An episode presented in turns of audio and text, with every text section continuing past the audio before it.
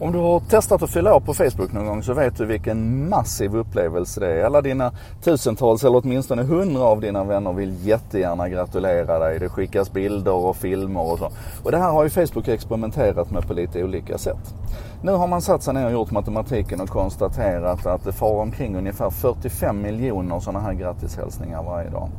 Och oavsett vad vi tror om de här techföretagen, många av dem vill hitta sätt att göra gott.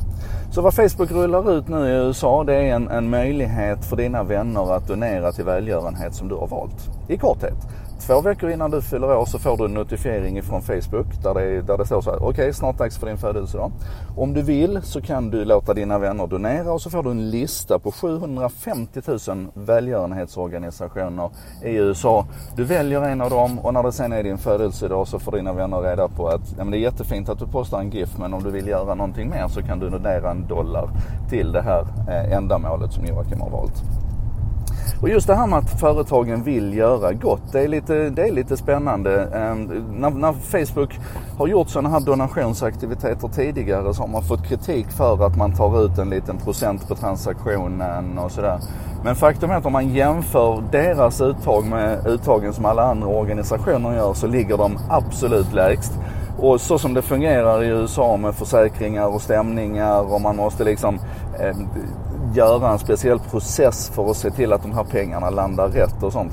Så är det där inte oskäligt på något sätt. Det är så lätt att vi, att vi utgår ifrån att de är bad guys. Men, men så, vänd på den tanken. En annan tanke som jag vill att du ska vända på det är den totala potentialen i detta. Facebook har alltså 2 miljarder månatliga, 2,1 miljarder aktiva användare. De har drygt 1,3 miljarder som är inne varje dag, 1,1 miljarder inne via mobilen. Alltså, det här är ju en kraft. Och då pratar man ofta om slaktivism, liksom, så att det är så lätt att, att folk bara klickar en tumme upp eller att man aktiverar sig på ett väldigt grunt plan. Och det här med donationen, det är ju ett sätt att försöka skruva det här i, i, en, i en, en mer aktiv riktning. Ett annat sätt Facebook har gjort det på tidigare, det var när man gjorde en, en aktivitet för organtransplantationer. Och när John Hopkins i efterhand gick in och tittade på effekterna av det här så kunde man se att det var 21 gånger fler människor än normalt sett som fyllde i sina organdonationskort under den här perioden när Facebook gjorde detta. Så det här är en kraft.